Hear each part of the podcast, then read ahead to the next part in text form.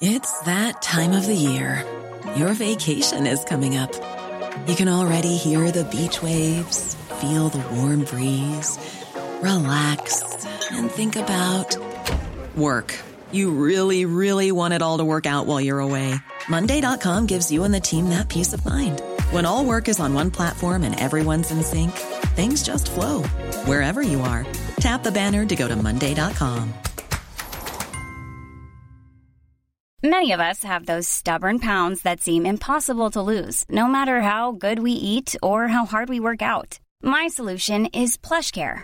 PlushCare is a leading telehealth provider with doctors who are there for you day and night to partner with you in your weight loss journey. They can prescribe FDA-approved weight loss medications like Wagovi and Zepbound for those who qualify. Plus, they accept most insurance plans. To get started, visit plushcare.com slash weight loss. That's plushcare.com slash weight loss.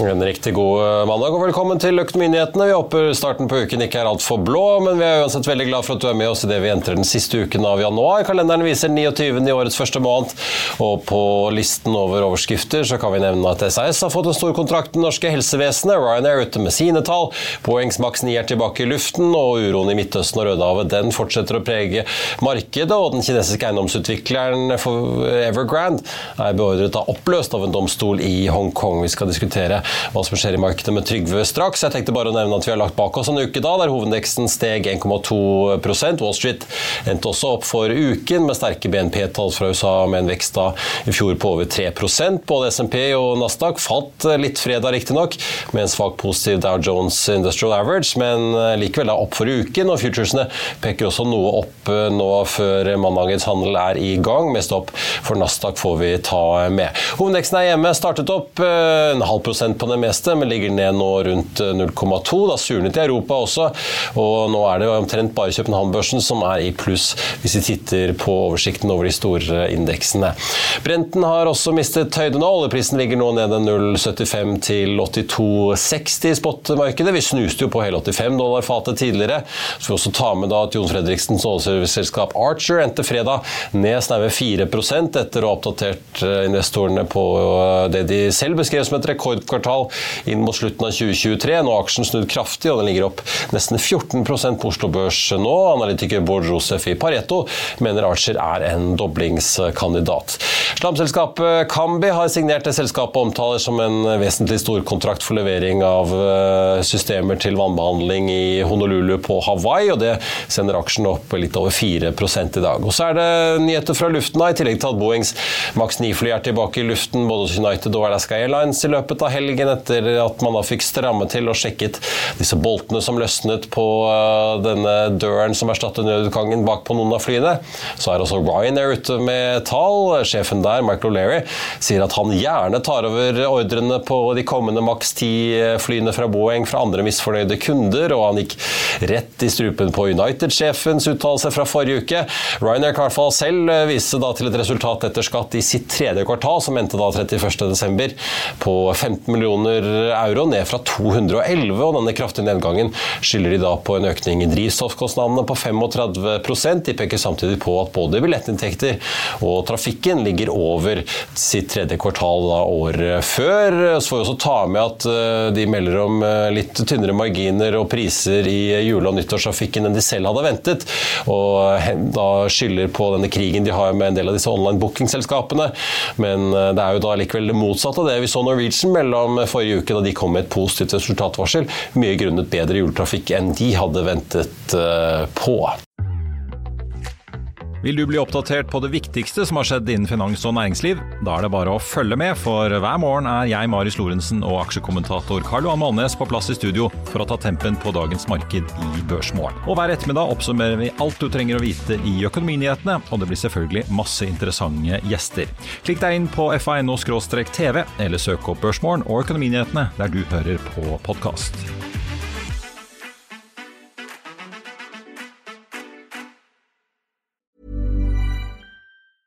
It's that time of the year. Your vacation is coming up.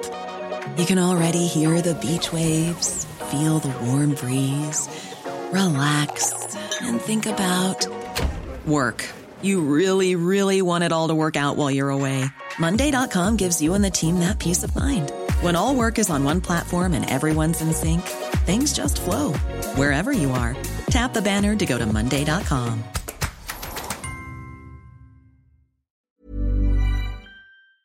I'll see you in court.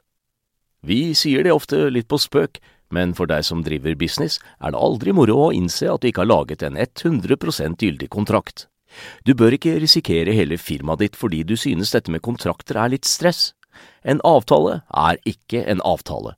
Du kan miste kunder, miste venner, ja, til og med miste inntekter om du ikke lager en skikkelig kontrakt, på alt mulig, egentlig. Men vi vet det er et styr. Kopimaskiner, tregprinter og haugevis av papir. Dessuten stoler vi jo på folk her i landet. Det er ofte litt kleint å skulle be om en signatur for alt mulig, ja, for mye av styret handler også om jakten på underskriften. Det finnes en enkel måte å løse dette på, Dukkobit, en trygg, effektiv og get this, gratis måte å sikre seg en god natts søvn pluss en juridisk bindende avtale.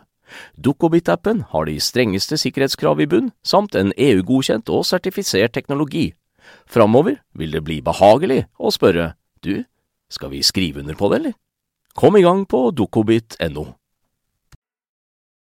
Og med en oljepris nå på 82,31 skal jeg si velkommen og god mandag til deg, Trygve Hegnar. Eh, Trygve, over 80 er vel noe mange oljetopper har gått og hoppet på?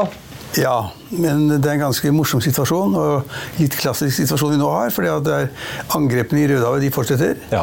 Houthi-militsen den går løs på skip. Det er også sagt at de har angrepet et russisk skip, eller et skip med russisk olje. Det er ikke bra. Og så har det også vært angrep i Gulfen på noen skip, eller de har prøvd å angripe. Så vi har stadig flere steder hvor da på en måte da det angripes skip som er i internasjonal fart. Og normalt så betyr det at folk blir engstelige for at tilbudssiden kommer. Altså, man kan tenke seg at liksom man blir avskåret fra å ta olje gjennom Gulfen. Det er jo ikke bra. Man kan også tenke seg at man ikke får olje gjennom Rødehavet og Suezkanalen. Det er heller ikke bra.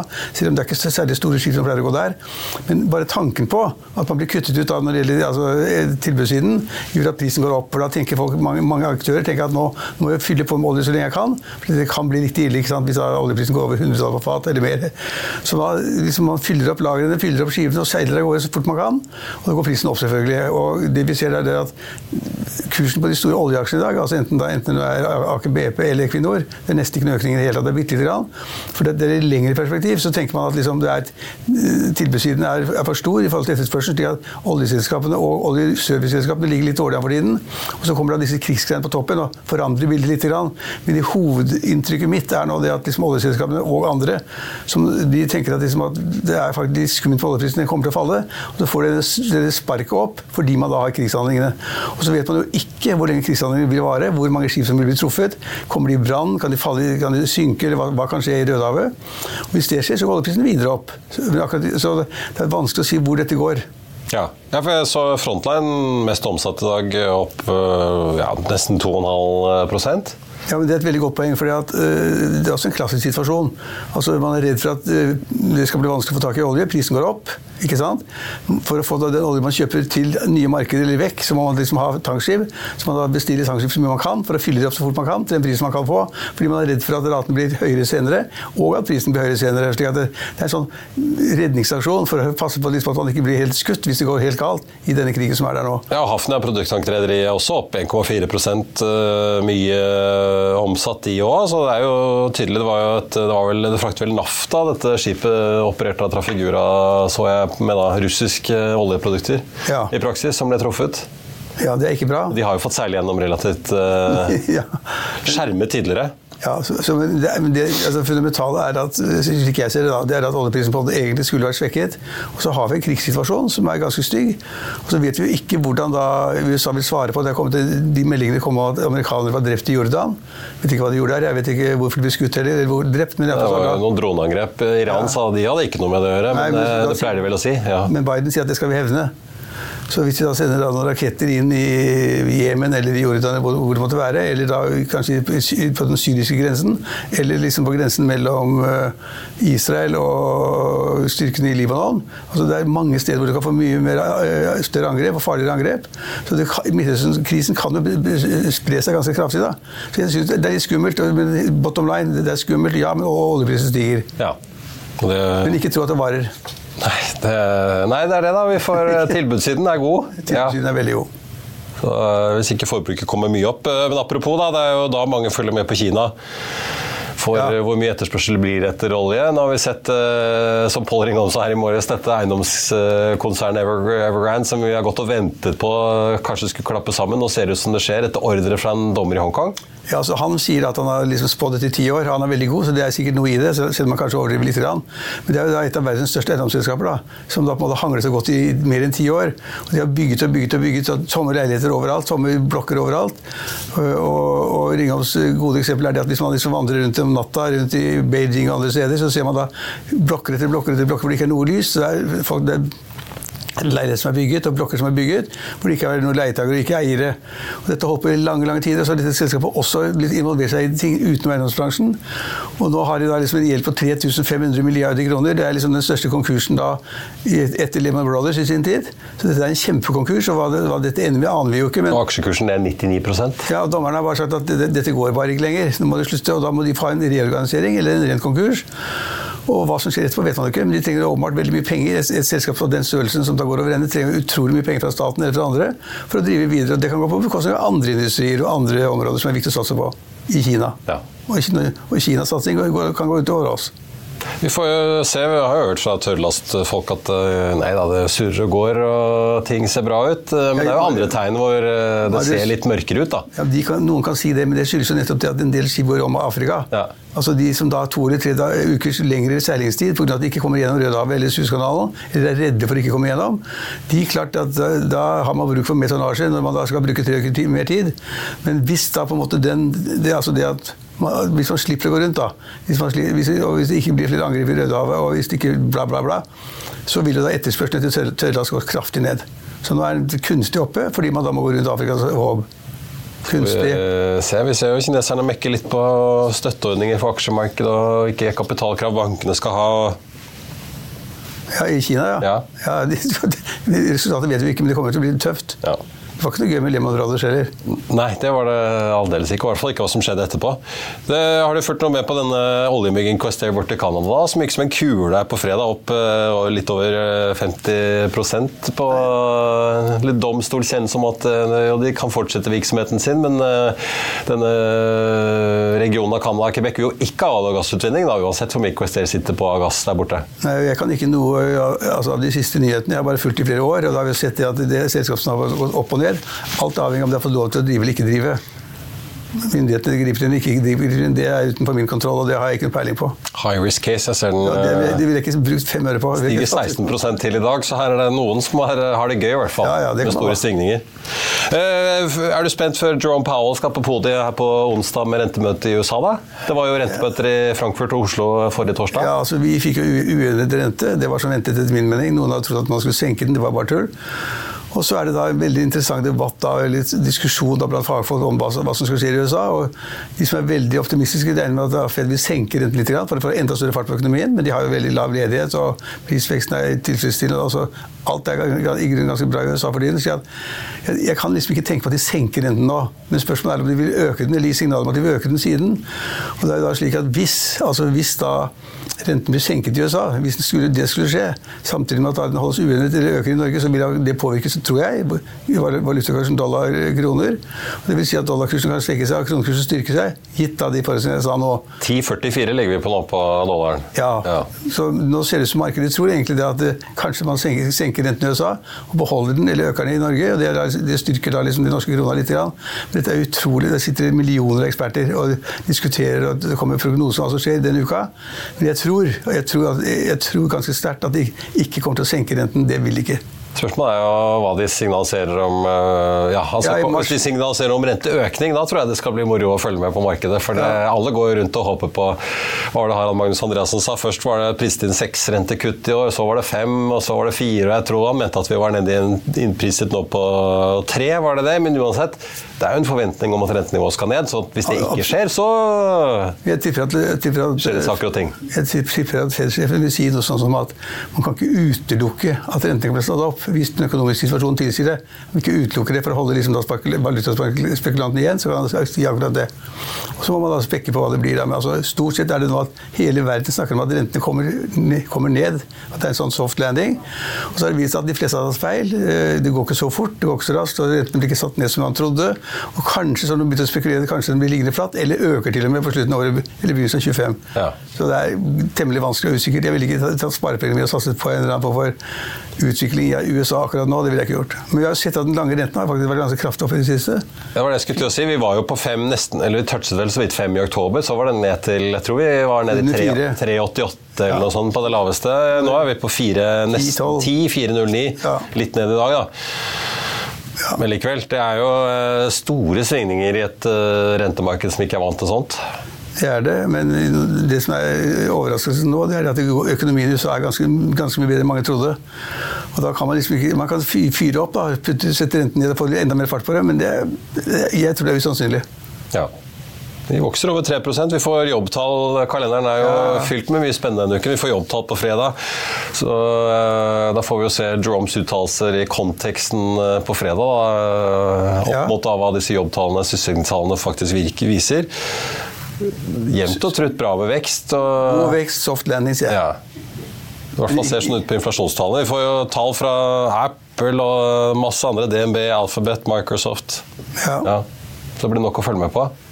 Ja, og så er det tekstilselskapene som går der borte. Men det er en annen ting. Ja. Tekstilselskapene så du meldingen om at Tesla de har jo produksjon i Tyskland. Ja. Det skal Utenfor Berlin. Giga Berlin, eller hva den heter. Giga-fabrikken, ja, det skal de stoppe produksjonen i to-tre uker. Fordi de ikke får da detaljene, altså leverandørkjeden gjennom Rødehavet og Suez er dårlig. Så de får ikke de delene da, eller mekanismene de trenger for å produsere Tesla-bilene. Det er jo ganske skummelt. da. Og I tillegg så har da Tesla tidligere kommet med, med utsagn om at prisen skal senkes ganske kraftig, for de vil ikke la seg utkonkurrere av kinesiske biler. Og, og Elon Musk sier det at kinesiske biler er rå og gode, de er flinke, det koster mindre å produsere dem, og vi er nødt til å konkurrere. og vi kommer til å sette ned prisen. Det var, det var på fredag. Nå kom meldingen i dag om at de da skal stenge fabrikken i Tyskland noen uker. Det er ikke bra. Nei. Det er ikke en god melding. Det er litt som øh, ja, Sist en båt lå på tvers i Suezkanalen, så slet jo XXL med å få inn syklene sine, men det viser jo noe av det samme. Det er det samme. At hvor viktig den kanalen er. Hvis det er sant, da, hvis det ikke er påskudd for noe annet. Men han, han sier altså da det skyldes at vi ikke fordeler, vi må stenge fabrikken. Ja. Men øh, de har jo vært ganske tydelige, hvis du leser kvartalsrapporten, om at 2024 blir ikke like artig som de tidligere årene. De. Nå vil de ikke si noe om hva leveransemålet er i år. De leverte jo 1,8 biler i fjor. De, vil- det spekuleres i om de kanskje klarer å nå 2,2 millioner, men de, de har sluttet å guide selv. Ja, Og så har det vært stygge kursfall. Stygge kursfall var vel ned 14% nesten forrige uke. Det er veldig mye, da, i et sånt selskap. Så De er vel snart ute av det gode selskapet i Magnificent Seven. Men da var jo Elon ganske klar på at uten tollmurer så overlever ikke vestlig bilindustri. Nei. I USA er det jo ganske harde tollmurer på elbiler med batteri, krav til batteriene må være lave til Nord-Amerika og ditten og datten. Det er det ikke i Europa på den måten. Nei, det nei da. Det kommer kanskje. Kanskje, jeg er ikke sikker, men jeg tror det, det skal mye til. Altså, hvis Tyskland begynner med tollbarrierer, så vil andre land stenge tyske biler ute i de landene. Så det er, ting henger sammen. Vi ser, eh, EU har jo begynt å true med en prosess, og det likte kineserne veldig dårlig. Så får vi se. Men foreløpig kommer det jo både kinesiske produserte BMW-er og Polestar-biler, og ikke minst eh, BYD, Build Your Dreams, som jo har passert Tesla i størrelse i antall produserte biler. Ja. Som, eh, Konkurransen når det gjelder elbiler den er kjempehard. hard. Konkurransen på batterier er også kjempehard. Og det har du vet ikke om du har fått med deg det, Marius, men at næringsministeren var på i Mo i Rana forleden. Enten han var der i dag eller på fredag, eller sånn, og sa da til alle de som er der oppe, hvor de har kommet halvveis i gang med en ny fabrikk, sånn batterifabrikk, hvor han, sa at staten kommer ikke til å bidra med mer penger til bygging av produksjonslokaler og produksjon. Nye, den. nye toner. Den, den, den oss har vi den. notert oss den. Jeg vet ikke om han ble tatt imot med kake eller fakler eller høygafler. Ja, han fikk kanskje, kanskje kaken han kom, og så fikk han bank, bank Høygafler på vei ut. Ja, det, det kan være. Full sal. Det, vi går i hvert fall fortsatt og venter, det er, for det er jo ikke sånn at Freyr apropos da, har uh, sikret seg finansiering i USA, så vi får jo følge med om de faktisk klarer det eller ikke. da. Ellers så blir det jo ikke noen ting. Nei, Da blir det jo verken Morana Mo i Rana eller Georgia. Så nå har de fått nei i Norge. Ja. Ja. Næringsdepartementet de får ikke noen ting. Det er- bra at de gjør det, sier det. Og hvis da de tiltaksordningene de har, som har blitt antydet, i USA, hvis de faller bort, så er det skummelt. Da er det bare ledelsen som har tjent penger, og styret. Ja, ikke bare det, men det blir, Man kan jo få inntrykk av at nå bare flytter de til USA og setter i gang der, men de har ikke finansiering. hvis du leser børsmeldingene, Ja, ja, ja, så er det ikke finansiering på plass i Georgia. altså. Neida. De er i dialog, som de skriver, men eh, det er ikke noen investorer som har eh, Biden må holde signert, igjen. selv med Bidens ordninger. Ja. Supert, Trygve. Takk skal du ha. Eh, Jeg tenkte bare å si da at eh, kollega Stein Ove Haugen vi nevnte jo Quester, han skal ta for seg da denne aksjen som gikk som en kule forrige uke, og fortsetter å gå som en eh, kule i dag. Bare se her. Skal vi teknisk analyse av Kvester, og her er det både mye tro, håp og kjærlighet. Kanskje mest håp. Vi kan se her, Aksjen har typisk vært en aksje som har steget ja, flere hundre prosent, og så har den falt 70-80-90% Og Det har skjedd med ujevne mellomrom, og vi ser det nå igjen. Vi kan ta tilbake her, tilbake i 2022 så var aksjen oppe i 2,95. Så falt den 70-80-90% Og så har vi hatt oppganger underveis, som vi ser her. Og hver gang RSI er oppe i over 70, opp mot 80-90, så får vi en kraftig korreksjon i aksjen. Ser det her, ser det her. Opp og så ned, så har vi en liten en her, høyt opp igjen her, på 2 kroner og 45 øre. Ned igjen. Ny oppgang, ser RSI. Hver gang så kommer den opp i et eh, overkjøpt område, og så får vi en ny korreksjon. Og det vi nå ser er at Aksjen har i løpet av to dager så har den mer enn dobla seg. I dag har den vært opp over 30 til 2,68 kroner og 68 øre på det høyeste. Oppi her. På vei opp mot 2,95 kanskje, men så korrigerer den litt tilbake. og Vi ser også at RSI, som da eh, speiler stigningstakten, eller sier litt om hvordan stigningstakten utvikler seg, den er da kraftig overkjøpt igjen, opp mot 90. Og når RSI kommer opp i de nivåene her, så kommer det gjerne en korreksjon. I så fall så er det teknisk støtte her. I første omgang på 2,35, så har vi på 2,21, 2,09, 1,96, før det sterkeste tekniske støtteområdet kommer her, på rundt 1,77. Og som jeg har sagt, når RSI er kraftig opp i 90 rundt de områdene, overkjøpt, så kommer det ofte en korreksjon på 70-80-90% igjen. Det trenger ikke skje den gangen her, men man skal ikke utelukke at det kan skje. Og da, bare For å runde av sendingen så tenkte jeg bare å ta med da at vi har jo da Archer som er oppe en, eh, nesten 14 på Oslo Børs nå. Questair som Stein Ove snakket om, opp eh, litt over 14% så det ser ut til å bli en veldig hyggelig da, to dager for de som har investert i oljemyggen som da sitter på en stor gassforekomst i Quebec i Canada. Shippingindeksen på Oslo Børs opp eh, en halv drøy halv prosent nå. Mye uro i shippingmarkedet tilknyttet situasjonen i Rødehavet og alle de andre tingene som vi var innom med Trygve, som skjer i Midtøsten om eh, dagen. En ting er jo da angrepet i, på disse amerikanske soldatene i Jordan, men vi har jo også Irak som helst gjerne skulle sett at amerikanerne forlot eh, landet. Vi har jo da Frontline på topp, mest omsatt, men økningen da på 2,5% på kursen nå. Ligger godt over Equinor og Vår Energi som følger deretter. Equinor ligger opp en 0,6, men Vår Energi ligger faktisk opp nesten, eller en, en hårdt spredd under 3 får jeg si. Og så har vi da Hafnia, produkttankrederiet, som har vært populær lenge. Ligger også nesten på pallplass, opp 1,9 nå, med en omsetning på 143 millioner kroner, etterfulgt av eh, DNB, ned 1,4 Konsernsjef Kjerstin Bråten og finansdirektør Ida Lerner kommer jo da med kvartalsrapporten denne uken. Og så er det da Questair, som åpenbart også har eh, fått mange traders interesse nå med denne kjennelsen fra Quebec som kom da sist eh, fredag. De ligger faktisk foran Aker BP og Yara på mest omsatte-listen. Så tenkte jeg bare også nevne Norwegian. da som etter uh, Ryanairs kvartalsrapport uh, ligger ned en halv uh, prosent. Vi kan jo da bare også slå opp kjapt i Ryanair, som ligger opp en snau ja, 0,7. Snau, ja, litt vel mye å ta i å si en snau prosent, kanskje, men opp 0,7 ligger i hvert fall nå etter kvartalsrapporten der i går, hvor vi altså så en kutt i guidingen da for deres siste kvartal i kalenderåret i, i regnskapsåret 2024-kalenderåret. Det endte jo 31.12. da med tredje tredje kvartal. Nordsjøoljen ligger på 82,44 nå. Vi har jo sett nesten 84, men nå er det altså 82,5 dollar omtrent som gjelder, ned en snau prosent. Hovedindeksen har jo faktisk vært over 1300 poeng i dag. 1377 for å være helt uh, presis. Rett over 1300 altså. 1293 ligger vi på nå. Så vidt i minus, så vi ser hvor dagen ender. I hvert fall rundt oss i Europa så er det egentlig bare Københavnsbørsen som er i pluss. Uh, ellers er det svakt rødt jevnt over hele linjen med nedgang på stort sett en snau halv prosent jevnt uh, over.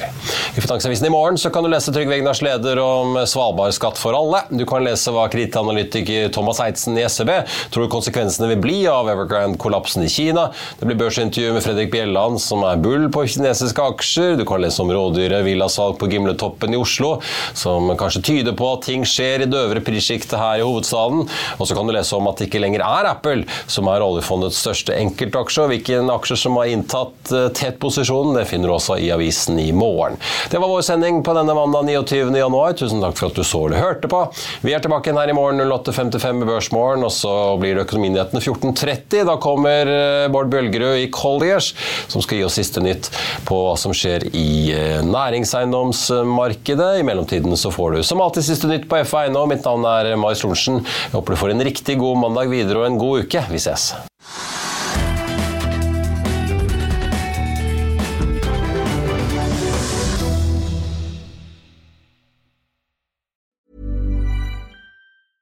Planning for your next trip?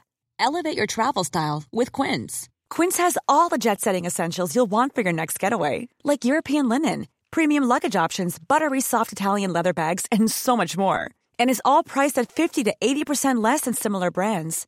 Plus, Quince only works with factories that use safe and ethical manufacturing practices. Pack your bags with high-quality essentials you'll be wearing for vacations to come with Quince. Go to quince.com slash pack for free shipping and 365-day returns. Sick of being upsold at gyms? My guy, you're currently a base member. For $90 more, I can upgrade you to our Shred membership. For 130 more, you'll be a Swole member. And for just $300 more, you'll reach Sweat Platinum. At Planet Fitness, you'll get energy without the upsell. Never pushy, always free fitness training and equipment for every workout. It's fitness that fits your budget. Join Planet Fitness for just $1 down and $10 a month. Cancel anytime. Deal ends Friday, May 10th. See Home Club for details.